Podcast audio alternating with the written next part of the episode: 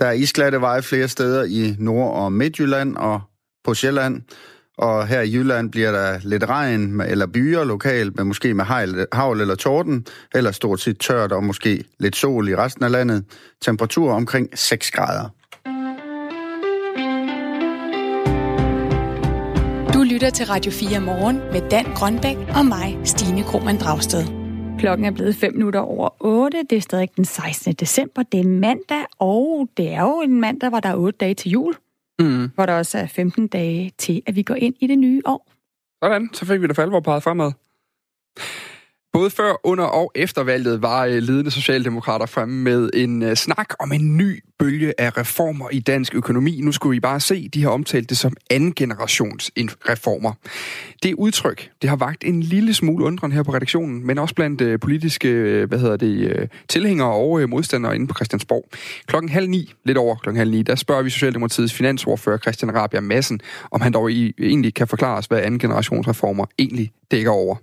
Og så skal vi også lige runde øh, klima, FN's klimatopmøde.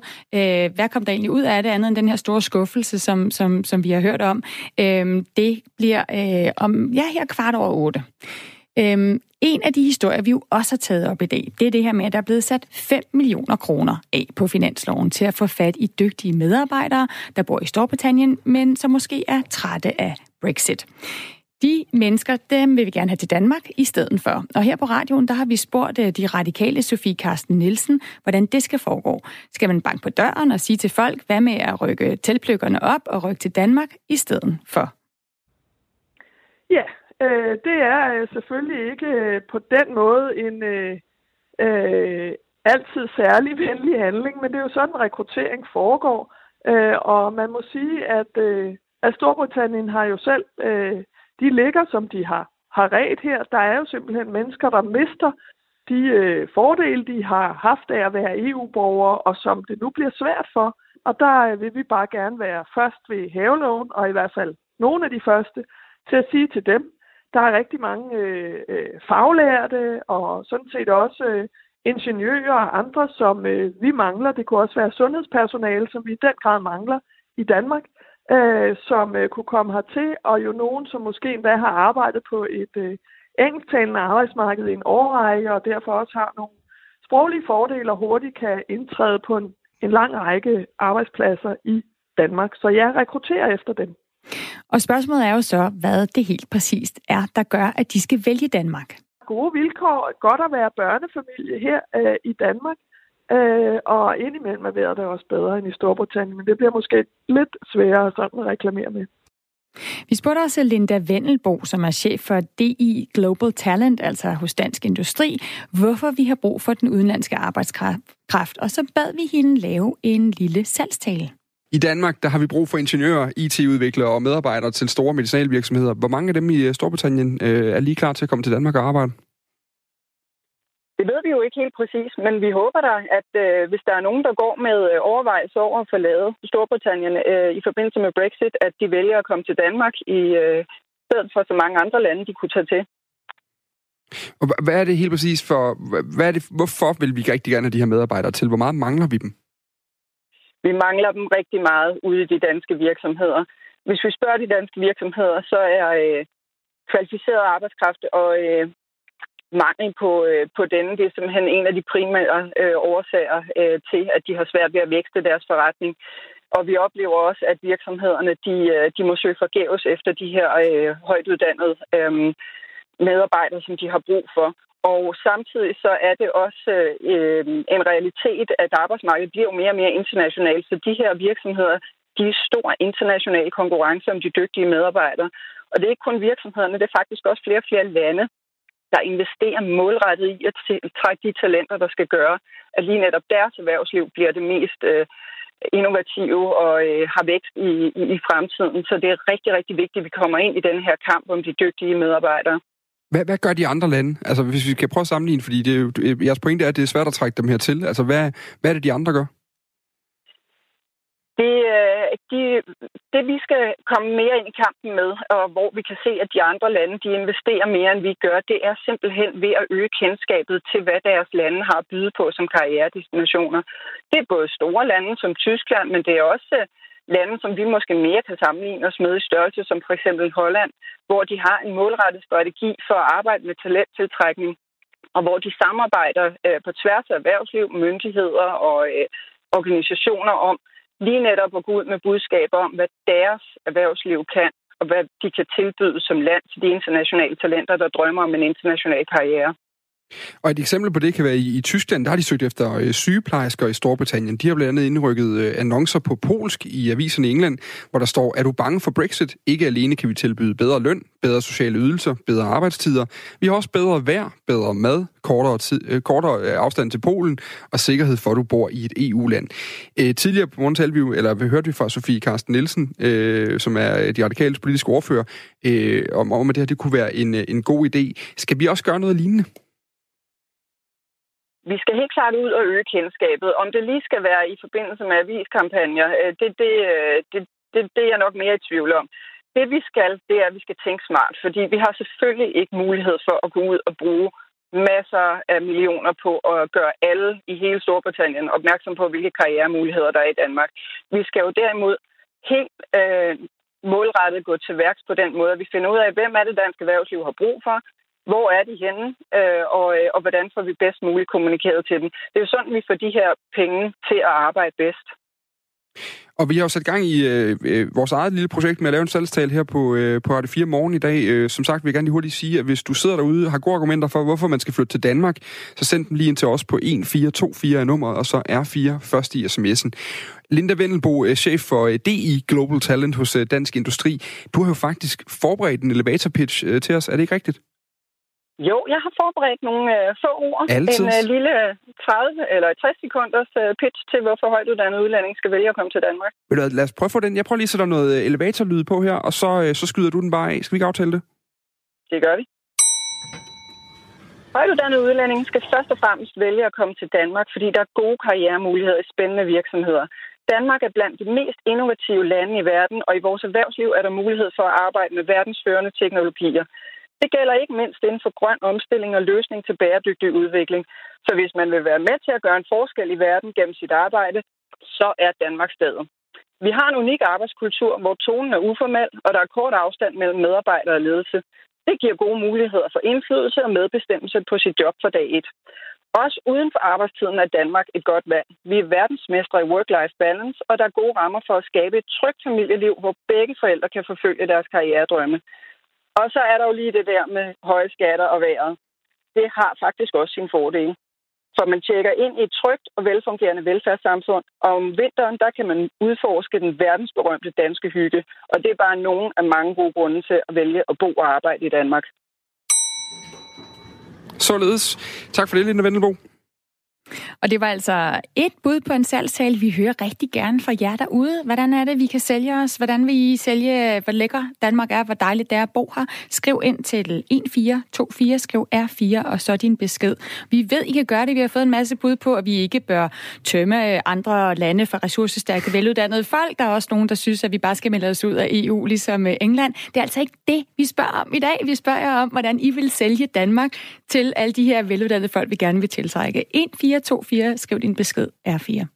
Og så skal vi til at tale om øh, det her COP25-møde, som altså netop er sluttet. Som vi var inde på i første time, så sluttede FN's klimatopmøde i går, øh, og øh, mødet her, det blev altså en skuffelse, hvis man skal tro blandt andet klimaminister Dan Jørgensen, FN's generalsekretær Antonio Guterres og flere danske avissider i, i dag.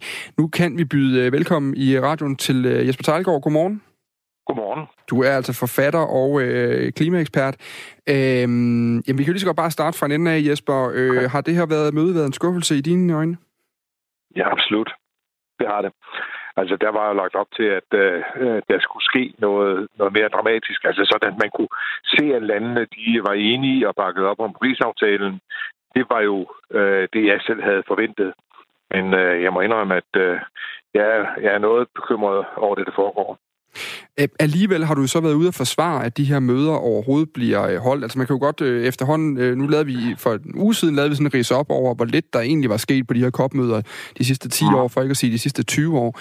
Men du var ude og forsvare det på de sociale medier i går, hvor lektor og forsker i klimapolitik ved Aalborg Universitet og tidligere folketingskandidat for Alternativet, hun hedder Therese Skavenius, hun var ude og sige, at FN-sporet er dødt, og altså man er nødt til at starte forfra et helt andet sted end, end på de her, et, i det her COP-forum, hvis man skal gøre ja. noget ved klimaet. Hvorfor, Øh, fordi du plæderer jo så alligevel for, at man skal holde fast i kopmøderne. Hvor, hvorfor, øh, hvorfor gør du det? Det gør jeg, fordi det er det eneste sted, vi har globalt. Altså, det, er, det, det er, er fint nok at sige, at vi skal begynde et andet sted, men hvor er det så lige? Øh, vi har ikke nogen institution, der kan tage over. Vi har ikke noget forum globalt, øh, hvor, øh, hvor politikere de mødes og, og snakker med hinanden. Og det er jo det, der er selvfølgelig frustrerende, for jeg kan godt forstå Therese Scavenius øh, holdning, og, og det hun siger også i forhold til, at det, det, det er lobbyvirksomhederne, som ligesom har taget over, ikke mindst olie- og kullobbyerne. men, øh, men der er bare ikke noget alternativ. Øh, men jeg siger jo i samme øh, øh, sætning, eller i, i, i samme tekst, at øh, vi er nødt til at at understøtte øh, kopmøderne ved bilaterale aftaler. Det vil sige, at vi må gå ind og diskutere med hinanden landene imellem for at, øh, at bryde den der øh, lobbyvirksomhed. Jeg ved godt, det er, og det lyder meget, meget nemt, og det er sikkert sindssygt svært, fordi de har enormt mange penge. Mm. Men det nytter altså ikke noget, hvis det er sådan, at øh, det er pengene, der ligesom betyder mere end videnskaben. Øh, så må de politikere, som er valgt til at foretage de her beslutninger, så må de altså steppe op og, og vise mod mands hjerte. Men, men, men det er jo lige præcis, altså det, de her kopmøder koster jo også rigtig mange penge. Det er en stor investering for verdenssamfundet, for FN, at vi ligesom øh, skal have de her klimatopmøder en gang om året. Altså, kunne man ikke bruge de penge anderledes, hvis vi alligevel taler om, at, at noget af det skal foregå bilateralt øh, mellem vores politikere, og de her møder alligevel bare er styret af, af, af lobbyvirksomheder og, og industrier? Jamen, det er jo meget nemt at sige, men hvor skal man så øh, øh finde et forum, hvor man så bliver enige? Øh, hvis man kan blive enige. Altså, det, jeg synes, det er, det, det er så nemt at sige, at øh, jamen, så må vi finde på noget andet. Øh, hvis der var et, en anden måde at gøre det på, så tror jeg, man havde gjort det. Mm. Øh, de her kopmøder er jo foregået, ja, nu er det 25. gang, øh, og jeg har selv deltaget i flere af dem. Øh, og ja, det er besværligt, og det er voldsomme forhandlinger. Men det nytter bare ikke noget at, at kaste håndklædet i ringen.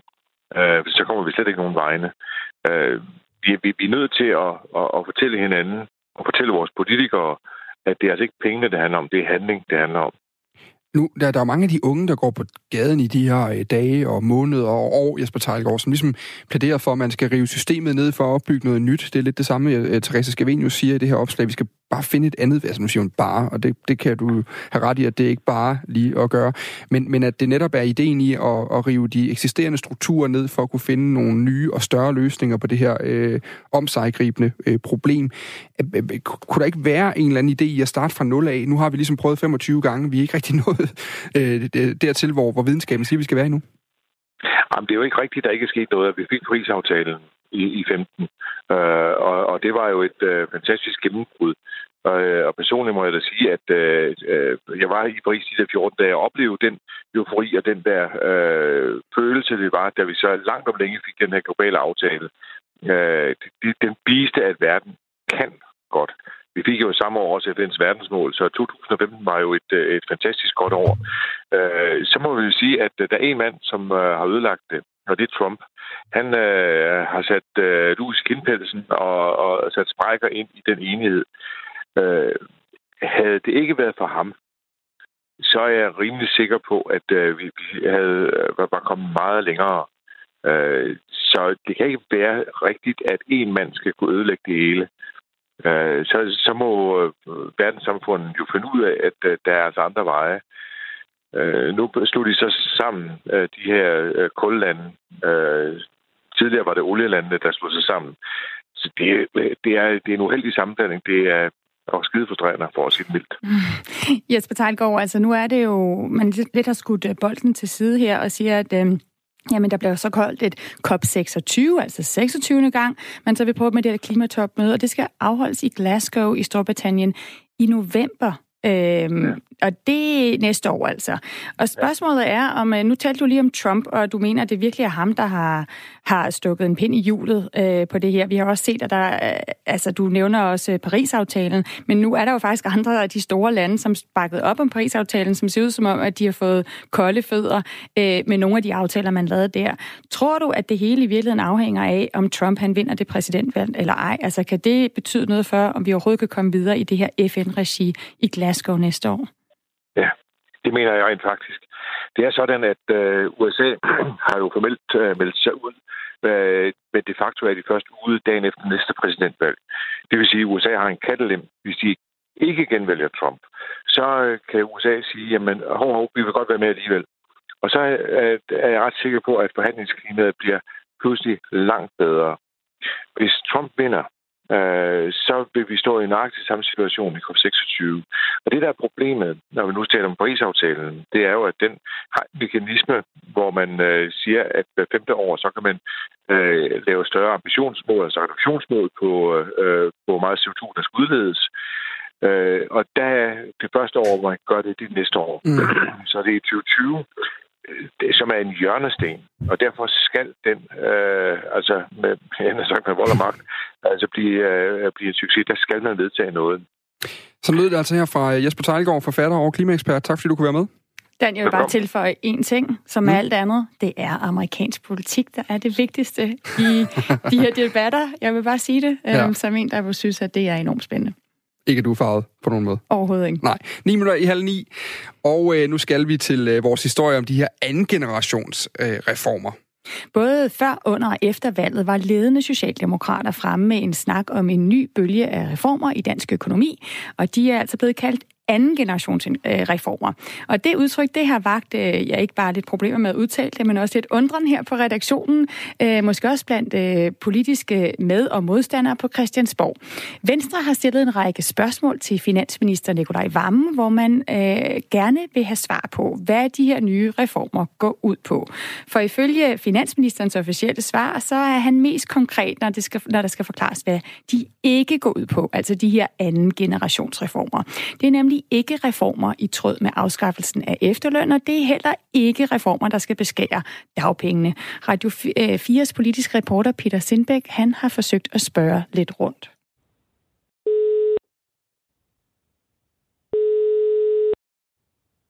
Det er Troels. God eftermiddag, Troels. Du taler med øh, Peter inden for Radio 4. Ja, hej. Hej så. Så øh, lykkedes det. Det er godt. Det gjorde det. Jamen, øh, det er Troels Lund Poulsen, der har stillet en stribe spørgsmål til finansministeren. Blandt andet vil han gerne høre, hvad en anden generationsreform egentlig er, og om Nikolaj Vammen kan komme med nogle konkrete eksempler. Eksemplerne kniber det med i svarene, men som Vammen også skriver, så skal anden generationsreformerne blandt andet have fokus på, at danskerne får de rigtige kompetencer til fremtidens arbejdsmarked. Det giver Venstres finansordfører dog ikke særlig meget for. Hvad, hvad er det i dit hoved? Bluff. Kan du prøve at uddybe det lidt? Jamen altså, der er jo ikke noget, der hedder en anden generations reform. Øh, det, det er jo ikke noget, som øh, vi har brugt politisk. Og det er jo derfor, at øh, jeg har stillet spørgsmål til finansministeren, som jo siger, at han vil lave nogle andre former for øh, reformer, som han kalder andengenerationsreformer. Og når man så spørger ham om, hvad er der inde i maven på sådan en reform, så siger han, at det er han jo ikke i stand til at svare på. Og derfor er det vel ikke andet bare bluff. Øh, det er bare ord. Da du stillede de her spørgsmål, øh, vidste du så godt, eller havde du forventet, at du ville få de svar, som du fik? Nej, jeg stiller jo ikke spørgsmål i håbet om, at jeg ikke får noget svar. Altså, nu, nu har regeringen siddet et halvt år, og det her det er jo noget af det, de har blandt andet givet store interviews om. Øh, det er også noget af det, der står, så vidt jeg husker, i deres forståelsespapir. Så det er vel ikke for meget for langt at spørge ind til, hvad, hvad er så anden generations reformer? Og der, der, der må man jo sige, det, det er regeringen jo så ikke i stand til at svare på. Det er jo meget ærligt, det finansministeren skriver. Det må man jo så også kvittere for. Han siger jo, jeg aner ikke noget om det, som jeg har sagt. Det er jo på grund grund det, der står. I øh, en række af de spørgsmål, du har stillet til Finansministeriet og Finansminister Nikolaj Vammen, der, øh, der svarer han jo, at han mener, at den første generation af reformer, der så har været, øh, har haft et lidt for ensporet fokus på at øge arbejdsudbuddet, og den nye generation af reformer, han så snakker om, skal i stedet øh, være med til at øge kvaliteten af den arbejdsstyrke, vi har, og give folk flere kompetencer. Er der ikke øh, noget godt i, eller nogle gode toner i det, synes du? Jo, det er jo ikke noget, jeg er uenig i, og det er også derfor, at jeg ikke synes, man kan sige, at det, det er enten eller. Altså for mig er det jo både og. At man kan godt øh, give et større arbejdsudbud, altså få flere mennesker til at blive en del af det arbejdende øh, fællesskab i Danmark, samtidig med, at øh, man også gør noget for, at øh, kvaliteten af dem, der har et arbejde, bliver bedre. Trulsund Poulsen mener, at det er sniksnak. Spin ord på et stykke papir, tilføjer venstremanden fra oppositionsbænken. Ordet anden generationsreform virker også som taget ud af den politiske fremmedordbog. Lidt svært at definere, men hvad er så egentlig pointen med at bruge det? is a magic number. Yes, it is. It's a magic. Det er Julie Askholm. Hej Julie, du taler med Peter Sindbæk inden for Radio 4. Hej. Hej. Jeg håber ikke, jeg forstyrrer dig for meget. Nej, det går fint. Det er godt. Julia Askholm er tidligere sprogforsker ved Københavns Universitet. I dag er hun selvstændig rådgiver, der hjælper organisationer med at forbedre deres strategiske kommunikation, også gennem deres sprogbrug. Når man spørger hende, så er begrebet en anden generationsreform et forsøg på at brande sig på forandring. Man vil signalere, at der nu er kommet nye kræfter til. Men virker det egentlig, eller snubler man lidt i sin egen retorik? Politikere kalder noget for en anden generationsreform. Ja, det kan jeg da faktisk godt forstå, at du spørger om. Øh, jamen altså, sådan, som udgangspunkt, så tænker jeg, at det er jo et forsøg på at sige, at øh, vi har haft noget, og nu skal vi have noget nyt. Altså sådan lidt den gamle version af, når vi snakkede computer, så havde vi første generation, og nu kommer anden generationen, altså underforstået, nu skal vi have noget bedre end det, vi havde før. Så, øh, så der er simpelthen tale om øh, reformer, som den her gang er meget bedre end dem, vi havde før? Ja, altså, eller i hvert fald en anden slags. Altså, vi havde noget, og nu skal vi have noget andet. Plejer det at virke, når man øh, i tale sætter ting på den her måde? Altså, jeg tror, at vi vender tilbage til at få de samme problemer, som Socialdemokratiet havde med betalingsringen. At det overhovedet at, have, at bruge det her reformord, det tror, jeg, det tror jeg simpelthen ikke bliver vejen frem for dem. Jeg tror ikke, øh, det, de detaljer, der ligger i, hvad en første generations reform og en anden generations reform, den skal kunne, det tror jeg simpelthen ikke når ud. Jeg tror ikke, det bliver forstået. Er det så, fordi folk, tror du, har en for negativ konnotation af, at øh, reformræset ligesom tog lidt, øh, et øh, lidt for hurtigt spor sidst? Jeg tror, det der, øh, altså det, det der med at bare det at bruge det der reformord, det tror jeg bliver lige så vanskeligt, som når de bruger altså ordet ring. Der er bare nogle konnotationer omkring de der ting, som handler om, at vi skal stramme, og vi skal skære, og vi skal presse. Så fra et øh, kommunikationsperspektiv, så er vi lidt på vej ud i en ny betalingsring, eller hvad? Det tror jeg. Det, den der, den kommer ikke til at overleve. Jamen Julie, tusind tak, fordi øh, jeg måtte snakke med dig. Og, øh, Jamen, det var så lidt. Tak for at gøre os lidt klogere. Julie Askholm, der er altså til daglig rådgiver organisationer i at bruge sproget til at sætte og fremme dagsordner, giver ikke så meget for den nye snak om anden generationsreformer. Men snak eller ej, for at reformerne overhovedet skal blive til virkelighed, så kræver det, at Socialdemokratiet og Finansministeren får opbakning fra støttepartierne. Og et af dem, Radikale Venstre, har førhen vist sig yderst reformglæde, og derfor gik jeg forbi finansordfører Sofie Carsten Nielsens kontor. Så er jeg her. Tak fordi du lige har tid. Det er den store julefrokost frokostaften, ja, hvad? Kunne jeg med? Øh, nominering. Nå ja. Det er ikke dig, vel? Det er så ikke mig. Ikke den her. Ret imponeret information. Det synes jeg også er fortjent. Deres ja. oksekøds ting. Jamen, de har også været om sig. Ja, du sindssygt, mand. Ja. Men øhm, som jeg lige hurtigt skrev i sms'en, ja. så var det egentlig også fordi... Lige præcis. Ja, det er da også spændende. Hvad er det? Jamen, mit bud er, at, øh, at det for eksempel er øh, det, som vi så fik med i finansloven. Øh, IGU Plus har vi jo fået med et initiativ, der skal udvide IGU'en. Det kræver så, at parterne også er med. Øh, men vi har jo allerede en IGU, som er den her integrationsgrunduddannelse, altså en indgang på arbejdsmarkedet for mennesker med flygtningebaggrund. Nu vil vi gerne udvide den. Nu er der nogle øh, venstrefolk, der har spurgt, stillet spørgsmål til, hvad han rent faktisk mente, når han bruger det her, hvad kan man kalde, lidt ukendte ord, som vi ikke mm-hmm. rigtig har hørt i debatten før. Øh, er det bare sådan en politisk drilleri i dine øjne, eller er det egentlig er det et interessant spørgsmål at stille? Jeg betragter det lidt som politisk drilleri, men det interessante er jo også, øh, hvordan vil man ligesom få det til at ske? Og på den måde er det jo reelt. Øh, jeg tror, og det er jeg også selv meget inspireret af, at Socialdemokraterne er øh, inspireret af økonomen Nina Schmidt, øh, som, øh, som vi i Radikal Venstre bestemt øh, også er, er meget inspireret af, som siger, det er ikke, der er ikke kun noget at hente, øh, og der er nok ikke så meget mere at hente, ved ligesom at skrue mere på, øh, på de ting, der handler om øh, mennesker, der er arbejdsløse. Det tror hun har ret i. Øh, og øh, det er egentlig også det, jeg hører. Øh, men det er klart, det som er interessant er, hvordan vil man få balancen til at gå op? Hvordan vil man have råd til at investere i såkaldt anden generation, altså uddannelse og udvikling, hvis ikke man samtidig sikrer, at der er mennesker nok på arbejdsmarkedet. Og da slet ikke, hvis man tager en række initiativer, der trækker mennesker ud af arbejdsmarkedet fra der, hvor vi har det nu. Er man på vej til at gøre det, eller hvad? Socialdemokraterne har jo planer om, at, øh, at et eller andet ukendt antal mennesker fra måske et ukendt antal brancher øh, skal få lov at gå på pension langt tidligere end i dag. Og det er jo en sympatisk ting, men det vil jo betyde, øh, altså at hvis man ikke er nedslidt og alligevel får ret til at, øh, at gå meget tidligere på pension, så mangler vi i tusindvis af mennesker på arbejdsmarkedet. Det bliver økonomien altså mindre af. Og vi har faktisk fundet ud af, hvad lige præcis den her musik, den var stigende. Det var fordi, da Peter Sindbæk talte med Radikal Venstre, der var det altså fordi, de var i gang med at planlægge julefrokosten. Ja, det synes der jeg også var, der var lige lidt god julestemning, ja, det må som sige. vi lige snakkede om før. Der er jo ret få dage til jul, så det, mm. det synes jeg er helt okay at slutte, slutte et nedlæg, der handler om anden generations reformer med lidt julemusik. Efter nyhederne, der spørger vi Socialdemokratiets finansordfører Christian Rabia Massen, om han kan forklare os, hvad det her med anden generations reformer er for en størrelse. Og øh, nu er der nyheder med Morten Sand. Det er blevet tid til nyheder her på Radio 4. Vi danskere har for alvor fået huskøbelysten tilbage, for i tredje kvartal af i år er der blevet solgt det største antal huse i mere end 15 år. Det fremgår af tal fra Finans Danmark, der er interesseorganisation for den finansielle sektor. Samlet set er der fra juli til september blevet solgt 12.109 huse. Og det er altså ikke set øh, større i de snart 16 år Finans Danmark har ført statistik med hushandlerne.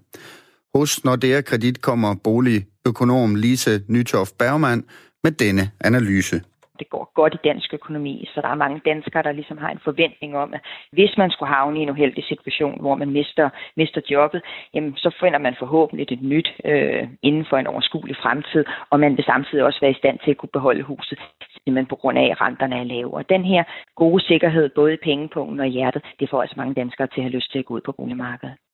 Og når det er kredit og Lise Nytoft Bergman forventer, at udviklingen den vil fortsætte. Det gør vi, fordi renten stadig er lav. Det er billigt at komme ind på boligmarkedet. Og så er der altså mange danskere, som, som også synes, at det er et godt tidspunkt, simpelthen på grund af, at beskæftigelsen er høj og arbejdsløsheden er lav. Dansk økonomi har det godt. Der er en generel optimisme i samfundet. Sideløbende med det stigende antal hushandlere er gennemsnitsprisen for de solgte huse også steget. Den gennemsnitlige kvadratmeterpris er nu 14.129 kroner per kvadratmeter. Og også det er rekord ifølge Finans Danmark. Det var en mærkesag for lærerne at få landet en ny arbejdstidsaftale ved forhandlingerne om nye overenskomster i foråret 2018. Men det lykkedes ikke at nå til enighed med kommunerne om, hvordan lærerne skal bruge deres arbejdstimer på skolerne. Parterne blev i stedet enige om at udskyde spørgsmålet og nedsætte en kommission, der skulle komme med anbefalinger inden udgangen af 2019. I eftermiddag kommer så konklusionerne fra kommissionen med tidligere forvaltningschef Per B. Christensen i spidsen, som det er nu, er lærernes arbejdstid reguleret ved et lovindgreb tilbage i 2013. Det skete, da regeringen greb ind i den daværende konflikt mellem lærerne og kommunerne. Siden er der så blevet gjort to forsøg i 2015 og 2018 på at forhandle en aftale på plads mellem parterne, men altså uden held. Og derfor så er der meget på spil for både lærere og kommuner, vurderer arbejdsmarkedsforsker Laust Høgedal fra øh, Aalborg Universitet det er ikke sket før, at vi har haft et, øh, et lovindgreb, altså helt tilbage fra 2013, som har overlevet to overenskomstrunder, altså i 15 og i 18. Lærerne er, er den eneste gruppe på hele det danske arbejdsmarked, som har reguleret deres øh, arbejdstid med lov. Så, så parterne tror jeg også øh, ved, at det, det er på tide, at man forsøger at finde en, en, en løsning på det her problem. Håbet er, at parterne kan blive enige i løbet af foråret 2020. Hvis det ikke sker, vil spørgsmålet om en ny arbejdstidsaftale blive sendt videre til overenskomstforhandlingerne på det offentlige område i 2021. Sydney står over for en folkesundhedskrise, som følger af røgen fra de busbrænde, der har havet i flere uger. Sådan lyder advarslen mandag fra førende læger i landet, efter at hospitaler har rapporteret om dramatisk stigning i antallet af skadestuebesøg. Over 20 sundhedsorganisationer herunder Royal Australian College for Physicians, der repræsenterer flere end 25.000 læger og lærerstuderende, lægestuderende, har mandag offentliggjort en erklæring, og her i opfordrer de altså Australiens regering til at erklære en folkesundhedskrise på grund af den giftige røg fra skovbrændene. Der er isglatte veje flere steder i Nord- og Midtjylland samt på Sjælland. Øh, især i Jylland kommer der senere i dag skyde med regn eller byer, lokalt med havl eller torden, og ellers stort set tørt, måske med lidt sol, og temperaturen de ligger på omkring 6 grader.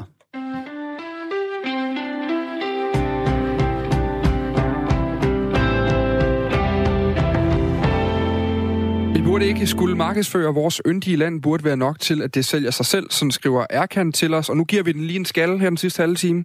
Vi skal have lavet den her salgstale til, hvordan vi får lukket øh, i hvert fald nogle af de britiske specialister til landet, ja, jeg er der er simpelthen, og jeg er lidt skuffet, det kan jeg godt sige, helt ærligt. Altså Erkan, det er da let at sige, vi burde ikke... Altså så kom med det, skriv, ja. hvad kan du godt lide ved Danmark? Jeg skriver bare på, at det er yndigt. Det, det kan, den kommer okay, med salgstalen. Vi har ikke okay, så meget. det er så okay. Men kom nu med noget. Hvorfor kan I godt lide at bo i Danmark? Hvor svært ja. kan det være? Hvad er det bedste ved Danmark? Send lige også en sms på 1424. Vi skal bruge det til at lave en salgstale, så vi kan lokke nogle mennesker til, vi skal bruge. Det siger Dansk Industri i hvert fald. Klokken er blevet 5 minutter over halv ni, og nu skal vi til øh, en historie om de her anden generationsreformer. Ja, for prøv lige at smage lidt på det ord, anden generationsreform. Øh, det er blevet brugt af flere ledende socialdemokrater, både før, under og efter folketingsvalget i juni. Finansminister Nikolaj Vammen har omtalt det som en ny bølge af reformer af vores økonomi, der ikke skal have et snævert fokus på at hæve arbejdsudbuddet, men skal være meget bredere. Vi skal investere og opkvalificere arbejdsstyrken og give folk de fornødne kompetencer. I oppositionen, blandt andet hos Venstre, der kaldes det her ord bluff. Godmorgen, Christian Rabia Madsen. Godmorgen. Du er finansordfører for Socialdemokratiet. Er anden generations reformer bluff? Nej, det synes jeg jo bestemt ikke, det er. Øh, det er en vej til at sikre, at øh, dels flere kommer ind på arbejdsmarkedet, og dels at vi får en, en bedre samfundsøkonomi, sådan så vi i sidste ende kan, kan investere øh, i dels den grønne omstilling og dels øh, vores, øh, vores velfærd. Så det er en, en vej til at udvikle vores samfund. Men øh, det, det lyder som om, hvor det er, man skal nå hen for at den vej. Hvad er en anden generationsreformer? Altså hvad man skal gøre for at nå derhen? Når vi snakker om anden generations reformer, så står det jo i modsætning til, til første generations reformer. Og øh, det handler sådan set om, at man ønsker at få flere hænder ud på arbejdsmarkedet. Altså få nogle af de grupper, som ikke er tilstrækkeligt repræsenteret på arbejdsmarkedet, få dem ud på arbejdsmarkedet. Det man har gjort tidligere i første generations reformerne, det har været de sådan mere traditionelle øh, arbejdsmarkedsreformer, hvor man har sænket ydelserne og dermed skubbet flere ud på, på arbejdsmarkedet. Det har øh, dels den udfordring, at de folk, der ikke kommer i arbejde den vej, de øh, får bare lavere ydelser, det vil sige, det, det skaber ulighed. Det ønsker vi selvfølgelig ikke. Og derudover er der også en begrænsning i forhold til, hvor meget man kan gøre det. Altså, hvis man har gjort det øh, af nogle omgange, så er øh, det er begrænset, hvor meget effekt der er i, i de øh, reformer. Øh, der er nogle økonomer, der taler om, at de, de, de, de nederste æbler, de er ved at være plukket i forhold til at, at benytte sig af de mere traditionelle reformer. Og det er så derfor, vi har introduceret anden generations reformer. Og øh, det handler om at bruge andre redskaber til at få folk på arbejdsmarkedet. Et eksempel kan være øh, opkvalificering. Altså at du sikrer, at nogle af de mennesker, som står uden for arbejdsmarkedet, de får en uddannelse, som faktisk er efterspurgt på arbejdsmarkedet. Øh, det kan være et eksempel på en anden generationsreform. Et andet eksempel kan være, at man øh, eksempelvis øh, laver regler om, øh, hvad vi også har planer om, øh, og beskæftigelsesministeren har annonceret, at man, at man øh, i forhold til øh, indvandrere og flygtninge, som er uden for, for arbejdsmarkedet, stiller krav om, at de skal øh, yde øh, 37 timers aktivitetsuge for at få overførsler, sådan som man gør øh, vejen fra, fra overførsler ind på arbejdsmarkedet kortere. Så der er en række redskaber, man kan, man kan bringe i spil, og jeg tror ikke, jeg vil forgøjle nogen at sige, at det bliver nemt, men det er en, en, en bedre måde øh, at, at få folk i arbejde i, i, i, i arbejde på, end, end nogle af de tidligere reformer, som har haft nogle, nogle øh, negative konsekvenser, særligt i forhold til, at, at, øh, at, at mange mennesker simpelthen er blevet fattigere. Så pointen er altså, at nu er vi ligesom færdige med de her arbejdsudbudsreformer. Nu skal vi videre til nogle andre reformer, der mere bredt kigger på den offentlige sektor. Du kom med, med to eksempler, så vidt jeg kunne køre. Spørgsmålet om du kunne komme med nogle flere og konkretisere det lidt mere. Altså, vi, vi har jo hørt blandt andet Sofie Karsten Nielsen. Vi har også, øh, jeg har set øh, finansministeren selv skrive, at han er jo er meget inspireret af Nina Schmidt, som jo har var den første, der brugte det her ord anden generations reformer. Hun skrev en, en kronik om det i Berlingske Tidene øh, i 2016. Hun er altså professor ved Aarhus Universitet. Hun øh, nævner nogle eksempler på anden generationsreformer, øh, blandt andet pensionsområdet. Er det noget, som øh, I vil kigge på, som, en, som altså at reformere pensionsområdet? Jeg vil ikke øh, afvise noget på forhånd, og jeg har også læst de ting, som Nina Schmidt øh, har skrevet. Hun var en af de første, som, øh, som brugte det her øh, begreb. Hun har også peget på, på det, jeg pegede på, nemlig øh, opkvalificering, og sikre, at der er et bedre match imellem de kompetencer, som øh, unge mennesker har, og som folk uden for arbejdsmarkedet har, og så øh, det, der bliver efterspurgt på, på, på arbejdsmarkedet. Og så har vi et, et relativt stort øh, efterslæb i forhold til, til nogle af vores øh, øh ikke-vestlige øh, øh, grupper, som som i for høj grad er uden for arbejdsmarkedet. Så der er nogle, nogle helt oplagte områder der, hvor man kan begynde at, at tage fat. Men det er ikke sådan, at vi har en, en færdig pakke. Øh, det her med andengenerationsreformer, det er et relativt øh, nyt begreb, og det er også derfor, at vi har besluttet at, at nedsætte en, øh, en ekspertgruppe, som kan prøve at bistå os i arbejdet med at finde ud af, hvordan, hvordan får vi grebet det her an på en, på en, på en fornuftig måde. Hvordan gør vi det mest effektivt, sådan så vi rent faktisk når vores mål om at få flere i arbejde, og dermed flere penge til, til velfærden og den grønne grønne omstilling. Det er forstået, at man skal have nogle eksperter på, øh, til at kigge på det, og vi vil høre mere om det. Men må jeg lige spørge dig alligevel til en mere konkret ting, fordi en anden ting, som Nina Schmidt og andre jo netop har nævnt med de her andengenerationsreformer, det er en reform af SU-systemet, altså som en oplagt del af det her med, at man nu skal kigge på uddannelsessystemet, netop som du siger, for at få øh, bedre, øh, mere kvalificeret arbejdskraft. Der siger hun altså, det er rigtig vigtigt, at man reformerer SU'en. Er det noget, I vil kigge på? Det er vi umiddelbart ikke så interesseret i, og bestemt ikke interesseret i at sætte SU'en ned. Der har også været folk, særligt fra den borgerlige fløj, der har talt om at gøre SU'en øh, lånebaseret. Øhm, og det synes jeg er en dårlig idé. Jeg tror, det vil betyde, at der vil være færre, der vælger at tage uddannelse. Jeg tror også, det kan skabe en øget social ulighed, øh, sådan så mennesker, særligt unge mennesker, der kommer fra, fra uddannelsessvage eller, eller hjem, hvor der ikke er så, så mange penge på, på kistebunden, at de vil øh, måske føle sig presset til at være tvunget til økonomiske årsager og fravælge øh, uddannelse. Så der er nogle ting øh, i, i de tanker, som jeg øh, og vi, som vi i Socialdemokratiet er imod. Så derfor er det ikke umiddelbart øh, den, den vej, vi vil, vi vil gå. Øh, men, men det betyder så bare, at vi skal tage fat øh, på nogle af de andre områder, for at sikre, at vi får flere ud på arbejdsmarkedet. Hvornår kan man forvente, at I vil løfte sløret for de her, hvad de her reformer går, går mere konkret ud på, ud over det øh, ene eller halvanden eksempel, du har nævnt? Altså nu nævner du, at pension vil du ikke lige svare på nu. SU skal det heller ikke lige være. Øh, nu har I været i gang i et halvt år. Hvornår kan vi få at vide helt konkret, hvad de her anden generationsreformer skal gå ud på, ifølge jer? Jeg synes egentlig, jeg, jeg er rimelig åben omkring, at vi ikke har de færdige løsninger endnu. Altså, jeg har nævnt to eksempler. Øh, dels opkvalificering, og dels øh, at man kan i højere grad stille aktivitetskrav i forbindelse med overførsler. Øh, vi, vi er på et stadie nu, hvor vi har identificeret nogle værktøjer, og vi kan se, at det er en, en langt bedre måde at arbejde med mennesker i forhold til at få dem ud på arbejdsmarkedet, end bare at gøre dem fattigere. Så vi, vi har anvist en, en retning, og for at vi får taget fat de rigtige steder og sikre, at det faktisk virker, så tror jeg sådan set, det er meget fornuftigt at tale med nogle mennesker, som har forstand på det, og få nogle eksperter ind over, og så kan vi forholde os til det øh, politisk øh, i forlængelse heraf. Og det har vi øh, meldt ud, og det vil vi kaste os over, og nu skal vi have, have nedsat en gruppe, øh, og så må vi jo også have en dialog med dem om, hvor lang tid øh, de vurderer, det tager for at, at finde frem til øh, de rigtige værktøjer, som vi kan arbejde videre med. Altså, jeg har ikke nogen præcis dato, og føler mig egentlig heller ikke sådan... Øh, jeg tror, det er bedre at at for det her gjort ordentligt. Øh, det er nogle store, vigtige reformer, som skal sikre vores økonomi fremadrettet, og det er øh, vigtigere, at de bliver gennemarbejdet, og det bliver et ordentligt arbejde, end at det kommer øh, to måneder øh, før. Så vi, øh, vi tager det øh, seriøst, og vi arbejder øh, grundigt med det, og øh, hellere blive, blive færdige med noget, der er, er fornuftigt og gennemarbejdet, end at blive færdig for, for hurtigt. Det sagde altså Christian Rabia Madsen, som er finansordfører for Socialdemokratiet, og så kan man jo øh, måske på et tidspunkt spørge øh, Venstre, om de blev mere kloge på, hvad øh, anden generationsreformerne betyder, om de mener, at øh, det stadigvæk er ren øh, bluff. Det lyder i hvert fald ikke som om, vi lige forløbig får helt konkrete udmeldinger. Der skal først nedsættes en ekspertgruppe, og den gruppe skal så også komme et bud på, hvor lang tid det vil tage nej, deres egen gruppe og blive færdige med, øh, med gode råd. Øh, så vidt øh, anden generationsreformer for denne gang. Så blev klokken øh, 16 minutter i øh, 9, og øh, nye tal fra Vejdirektoratet viser, at der desværre er mange, der er blevet dræbt i trafikken i år, sammenlignet med sidste år. Fra januar til oktober, der er 159 mennesker blevet dræbt i trafikken. Det er 25 flere end i samme periode sidste år. Det fortæller Vejdirektoratet, altså det er en stigning på 15 procent. Det er også et godt stykke over det mål, som Færdselssikkerhedskommissionen har sat sig. De har til opgave, det er altså kommissionen, der har til opgave at komme med forslag til, øh, til færdselssikkerhedsmæssige initiativer, som kan nedbringe antallet af, af, af trafikulykker. Målet lyder, at næste år skal maksimalt 120 personer dø i trafikken. Det er måske lidt en underlig måde at sige det på. Man må håbe 120 eller, eller mindre, kan man måske sige, på de danske veje. Og det er i hvert fald svært at se, øh, hvordan det tal kan nås, hvis vi følger tendensen fra i år.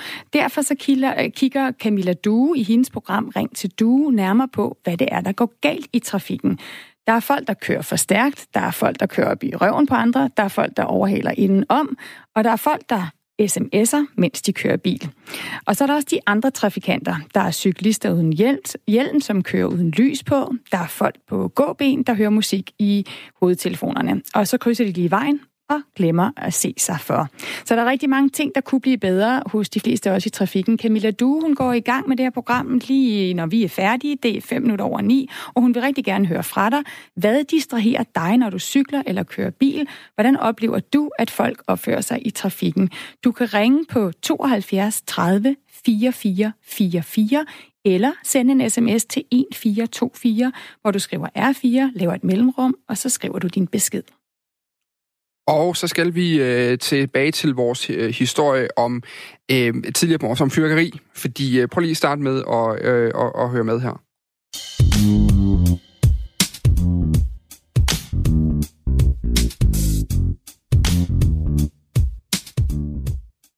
Fyrværkeriråd nummer et. Brug altid beskyttelsesbriller. Nummer to. Brug kun godkendt og aldrig hjemmelavet fyrværkeri. Nummer 3. Hold aldrig tændt fyrværkeri i hånden. Nummer 4. Hold sikkerhedsafstand og læn dig igen over fyrværkeriet. Nummer 5. Gå aldrig tilbage til en fuser. Med mindre du kan få 25 kroner for at samle det her batteri op dagen efter, og ellers aflevere det til en fyrværkeriforhandler. Man skal aldrig gå tilbage til en fuser. Det her det var en kampagnevideo fra Sikkerhedsstyrelsen, du hørte, og det råd, det har jeg i hvert fald hørt, siden jeg var en helt lille dreng, og skulle ud og kigge på min far fyrede raketter af øh, nytårsaften. Men nu har flere fyrværkeriforhandlere valgt at indføre et pantsystem, sådan at man kan få penge for det fyrværkeri, som ligger og flyder den 1. januar.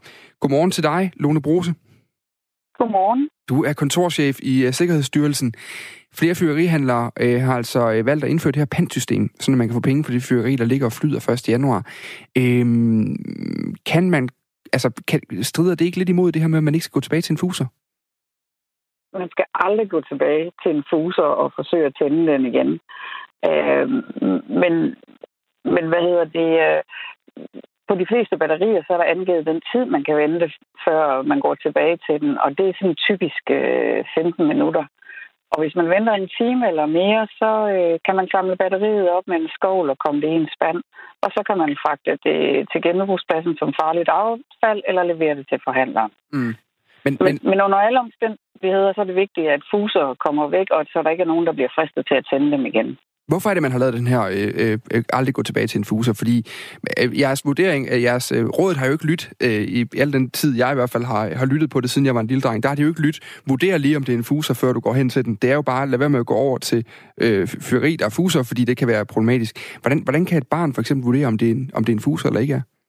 Det, det er jeg ikke sikker på, at et barn kan vurdere. Men øh, kommer det så ikke til at... Øh, altså, kan, kan, kan det så ikke blive farligt, det her? Altså det, der er, det er, øh, når, man, når man tænder fyrværkeri, det er vi, grund til, at vi siger, at man skal aldrig gå tilbage til en pose. Det er, når man tænder et batteri for eksempel, og så det ikke går af, så skal man vente med at gå tilbage, fordi det kan godt være tændt, selvom det ikke går af med det samme. Øh, så det er egentlig derfor, man siger, gå aldrig tilbage og prøv at tænde fyrværkeri igen. Men når der er gået noget tid, kan, kan man sige, jamen så, så er det ikke farligt mere, fordi det bliver jo ikke ved med at brænde i, i al evighed, sådan en, en lunde. Så, så du egentlig, øh, øh, fordi jeg, jeg tænker også som forældre, kan man være tryg nok ved, at, at børnene for eksempel går rundt dagen efter, øh, efter og, og leder efter øh, noget pant på batterier og samler de her ting ind? Det vil sige, hvis det er dagen efter, så kan man være tryg nok. Jeg vil være mere forsigtig, hvis det var nytårsaften, fordi man ved jo ikke, hvornår det har været forsøgt antændt, det her fyrværkeri. Hvis man nu skulle være lidt kæk, Lone Brugs, ja. kunne man så ikke ændre det her råd om ikke at gå tilbage til en fuser til, du må ikke gå tilbage til en fuser, med mindre der er gået en time, og du kan tjene 25 kroner på det? Jamen, jeg tror, rådet om at ikke gå tilbage til en fuser, det er fordi, man ikke... Altså, vores vejledning er, at man skal ikke prøve at tænde det igen. Mm. Fordi selvfølgelig skal man rydde op efter sig, når man har forsøgt at, at øh, antænde noget fyrværkeri.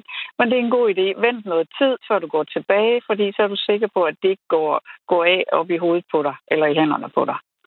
Udmærket. Så vi supplerer lige, altså når, det er altså som sagt, det er tre enkeltvis forhandlere, der nu har valgt at indføre det her, hvor man kan få 25 kroner på et til gode bevis for at gå ud og, og, og samle øh, batterier, brugte batterier op dagen efter og indlevere dem. Og så kan vi altså sørge for, øh, bare lige at sige til folk, det skal være dagen efter, lad være med at gøre det nytårsaften, fordi så kan man godt ende med, med, med fingrene i ballade, så at sige. Jeg vil i hvert fald ikke sætte mine børn ud nytårsaften. Ved du hvad, det var det, jeg havde brug for at høre, Lone Bruse. Du er altså kontorchef ved Sikkerhedsstyrelsen. Tak fordi du kunne være med her. Øh, ja, selv tak. Så skal vi til øh, Australien en tur, Stine, fordi, øh, fordi øh, for et par uger siden, der lavede vi jo et øh, interview med en øh, ung kvinde, Laura Mørk. Hun var direkte igennem for Sydney. Det er jo fordi, der er en masse brænde dernede nu. Jeg synes lige, vi skal starte med at høre, hvordan øh, Laura Mørk på det tidspunkt beskrev, øh, hvad kan man sige, udemiljøet øh, i Sydney, der hvor hun var, hvor der var meget, meget råd. Prøv lige at lytte med her vant til at se himlen hver dag, og jeg har ikke set den i en uge nu, fordi mm. der er så overskyet af det her røg. Men, men der er... Ja. Ja, hvordan, altså det føles som om, at det ikke er særlig rart at gå ud. Bliver, det, bliver man sådan lidt klaustrofobisk af at være i sådan en by, hvor, øh, hvor man føler, at man ikke kan bevæge sig rundt? Jeg tror mere, det er det der med, at man ikke kan være at tænke over, hvor, altså, at det må være helt ekstremt usundt. Jeg løb en tur her den anden morgen, og jeg følte, at jeg, ligesom, jeg kunne lige så godt have røget to pakker cigaretter. Jeg kunne lige så godt have røget to pakker øh, cigaretter. Australiens største by, Sydney, hvor Laura Mørk altså bor, øh, står over for en folkesundhedskrise som følge af røgen for de her bushbrænde, der har kvalt byen i flere uger. Det er en advarsel, der mand, der kommer fra, øh, fra førende læger i Australien, efter at hospitalerne de altså har rapporteret om en dramatisk stigning i antallet af skadestuebesøg. Øh, hundredvis af naturbranden har altså raseret Australien i flere måneder nu, og i løbet af natten til mandag, der har vi et gigantisk flammehav, som det bliver beskrevet i medier, nord for Sydney, og det har ødelagt flere hjem. Samtidig tror branden nær Perth i den øh, vestlige del af landet med at ødelægge flere øh, landsbyer. Over 20 sundhedsorganisationer herunder Royal Australian College of Physicians, der repræsenterer flere end 25.000 læger og lægestuderende, har mandag offentliggjort en erklæring, her i opfordrer de øh, Australiens regering til at erklære folkesundhedskrise på grund af den her giftige røg fra, fra skovbrændene. Luftforurening i New South Wales, det er altså delstaten i Australien, hvor Sydney ligger, er et akut folkesundhedsproblem, står der blandt andet i den her erklæring. Så der var altså øh, et, allerede der, da vi stod og snakkede om det, da vi snakkede med Laura Mørk for halvanden uges tid siden, at det der, det lød da ikke sundt. Der havde vi faktisk fuldstændig ret, Stine. Ja, det kan være, man øh, måske lige skal genoverveje, hvis man havde regnet med, at man skulle til Sydney her over jul, og øh, måske søge til lidt varmere strøg, så er det måske ikke det rette sted at være. Jeg skal også bare lige sige, at jeg tror, så vidt jeg husker, at Laura Mørk, hun var faktisk au pair uden for Sydney, men hun var på besøg i Sydney, da vi talte med hende, og det, var hun, øh, det fortrød hun en lille smule. Mm. Nå, ja. velkommen i studiet, Mads Anneberg. Nu kan vi ikke trække den længere. Vi har lovet en salgstale. Tak. Godmorgen. Godmorgen, Mads. Nå, Mads, vi skal lige have samlet lidt op her. Vi kan lige starte med at, øh, at kigge på sms'en, hvad der er kommet ind, fordi vi skal jo have lavet den her salgstal øh, for, øh, for, hvorfor man skal bo i Danmark, hvorfor man skal flytte til Danmark. Og, øhm... og, og det har vi teaset for hele morgen. Øhm, og det her med at prøve at lokke nogle dygtige medarbejdere fra Brexit-kaoset i Storbritannien. Nu må vi se, om det bliver et kaos. Men i hvert fald prøve at lokke dem til hygge og cykelstier i Danmark. Og vi har jo faktisk fået en salgstale, og den blev leveret af Linda Vendelbo, som er chef for Dansk Industris Global Talent. Prøv lige at høre her. Højtuddannede udlændinge skal først og fremmest vælge at komme til Danmark, fordi der er gode karrieremuligheder i spændende virksomheder. Danmark er blandt de mest innovative lande i verden, og i vores erhvervsliv er der mulighed for at arbejde med verdensførende teknologier. Det gælder ikke mindst inden for grøn omstilling og løsning til bæredygtig udvikling. Så hvis man vil være med til at gøre en forskel i verden gennem sit arbejde, så er Danmark stedet. Vi har en unik arbejdskultur, hvor tonen er uformel, og der er kort afstand mellem medarbejdere og ledelse. Det giver gode muligheder for indflydelse og medbestemmelse på sit job fra dag et. Også uden for arbejdstiden er Danmark et godt valg. Vi er verdensmestre i work-life balance, og der er gode rammer for at skabe et trygt familieliv, hvor begge forældre kan forfølge deres karrieredrømme. Og så er der jo lige det der med høje skatter og vejret. Det har faktisk også sin fordel. For man tjekker ind i et trygt og velfungerende velfærdssamfund, og om vinteren, der kan man udforske den verdensberømte danske hygge. Og det er bare nogle af mange gode grunde til at vælge at bo og arbejde i Danmark. Og så er det der, hvor jeg lige kigger på sms'en, og der er så kommet nogle ting. Der er en, der skriver, at det bedste ved Danmark er den høje skat. Øh, den sikrer nemlig vores velfærd, gratis uddannelse, gratis sundhedssystem, god infrastruktur, naturpleje, miljøbeskyttelse, forskning osv. Så, så må jeg lige sige, det synes jeg simpelthen er enormt sigende for en dansker. Altså det er da smukt, ikke? Jo, at man simpelthen reklamerer med den høje skat som en grund til at flytte til Danmark. Men øh, okay, Ja, der kan man se om noget, der også vil skræmme nogen væk måske. Men øh, vi har de bedste forhold. Er der også en, der skriver, den var lidt satirisk, tror jeg. Er du for eksempel kinesisk kok, så kan vi tilbyde 80 timer om ugen og helt op til 25 kroner i timen. Hvis du er dygtig, vel at mærke. Er du chauffør, så kan vi tilbyde fantastiske boligforhold i en femstjernet trailer i Padborg. Så er der også en, der skriver, øh, hvad vi skal sælge os på er mindre vigtigt. Vi bør øh, målrette en kampagne de steder, der stemte Remain og anti-Bojo, altså Boris Johnson, det vil sige Skotland og universiteterne. Og så er der den sidste, der skriver omkring den britiske reklamekampagne, Danmark har tryghed, nærhed, venlighed. Venlig hilsen, Henrik. Ja, og nu har vi vores journalist Mads Anneberg med. Godmorgen, Mads. Godmorgen. Du er jo vært på programmet Lobbyland, og du har også været i England for os for at dække øh, netop det her valg, som jo altså gjorde, at Boris Johnson og de konservative fik et flertal, et jordskredsvalg, kan man, jordskredssejr kan man godt sige, til at sikre, at øh, nu vil man øh, levere Brexit. Øhm, og øh, jeg tænker, i virkeligheden er det måske dig, der skal levere den her salgstale, for vi hørte jo lige, at det lykkedes dig jo nærmest at overbevise en ung hollandsk-australsk mand ved navn Felix, Felix Kauning om, at han skulle flytte til Danmark. Du havde ni minutter, og det gik da egentlig meget godt. Ja, altså nu er jeg jo været på, på lobbyland, så jeg kunne ikke tage til England uden at lige lobbyere lidt på, på Danmarks vegne og fortælle ham, at øh, der var gode, gode grunde til at, til at flytte til Danmark. Vi kan lige høre et lille klip for, hvordan det gik her. Uh, when will we uh, see you in Denmark? well, if um, if you do, uh, if you carry on like this, then possibly September 2020. Who knows?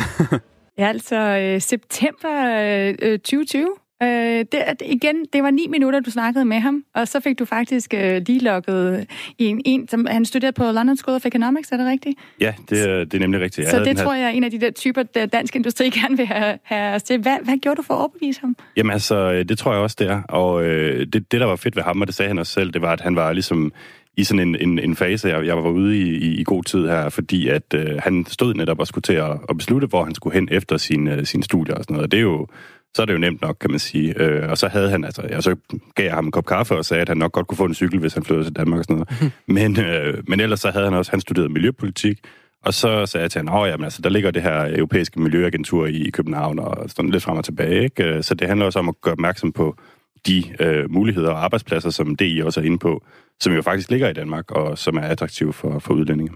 Var der nogle ting, som han lød sådan skeptisk ved, altså hvor du ligesom skulle prøve at for, øh, fortælle ham, ah, det her, den her forestilling, du har om Danmark, den er ikke helt rigtig. I kan faktisk noget. Nej, det synes jeg faktisk ikke. Han, han lød til at have et, øh, et ret godt øh, billede af Danmark. Han havde også øh, boet i, i Norge i, et, øh, i, en, i en periode.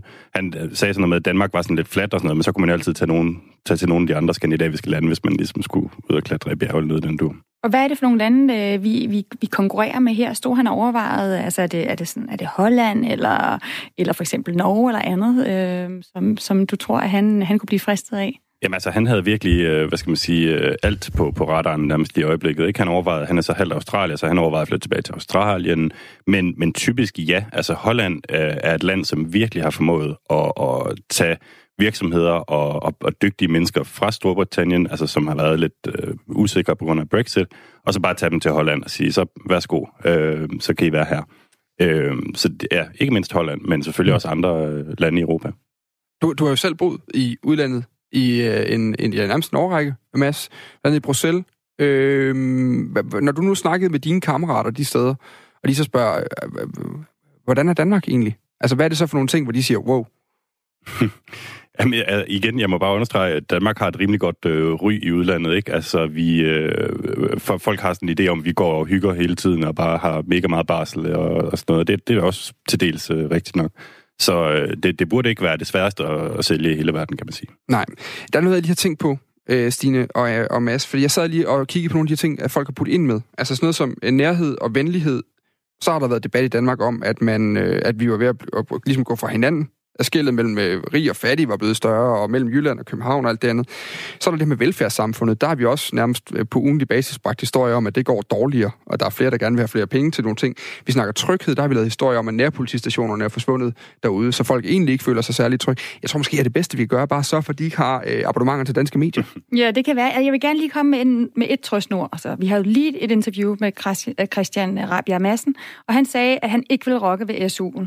Og øh, nu har jeg jo boet i udlandet også i rigtig mange år, og jeg tror, at der er én ting, der man kunne tiltrække øh, nogle veluddannede øh, folk hertil, hvis det er altså det, vi har brug for, og mm. det, vi gerne vil, så er det at sige, at deres børn, de kan få gratis uddannelse. Mm. Øh, jeg kender rigtig mange amerikanere, der synes, det lyder simpelthen for godt til at være sandt, at man kan få gå gratis på universitetet og få en god uddannelse. Så øh, hvis SU'en den bliver øh, gratis uddannelse, det tror jeg godt, vi lige kan have med, når vi skal tiltrække øh, noget arbejdskraft til Danmark. Det bliver de sidste ord fra øh, Radio 4 morgen i dag. Øh, Mads Anberg, Stine Krohmann Dragsted her i studiet. Jeg tror ikke, vi har så meget mere nu, har vi det? Og Dan Grønbæk. Og Dan Grønbæk. Der er en nyhed her kl.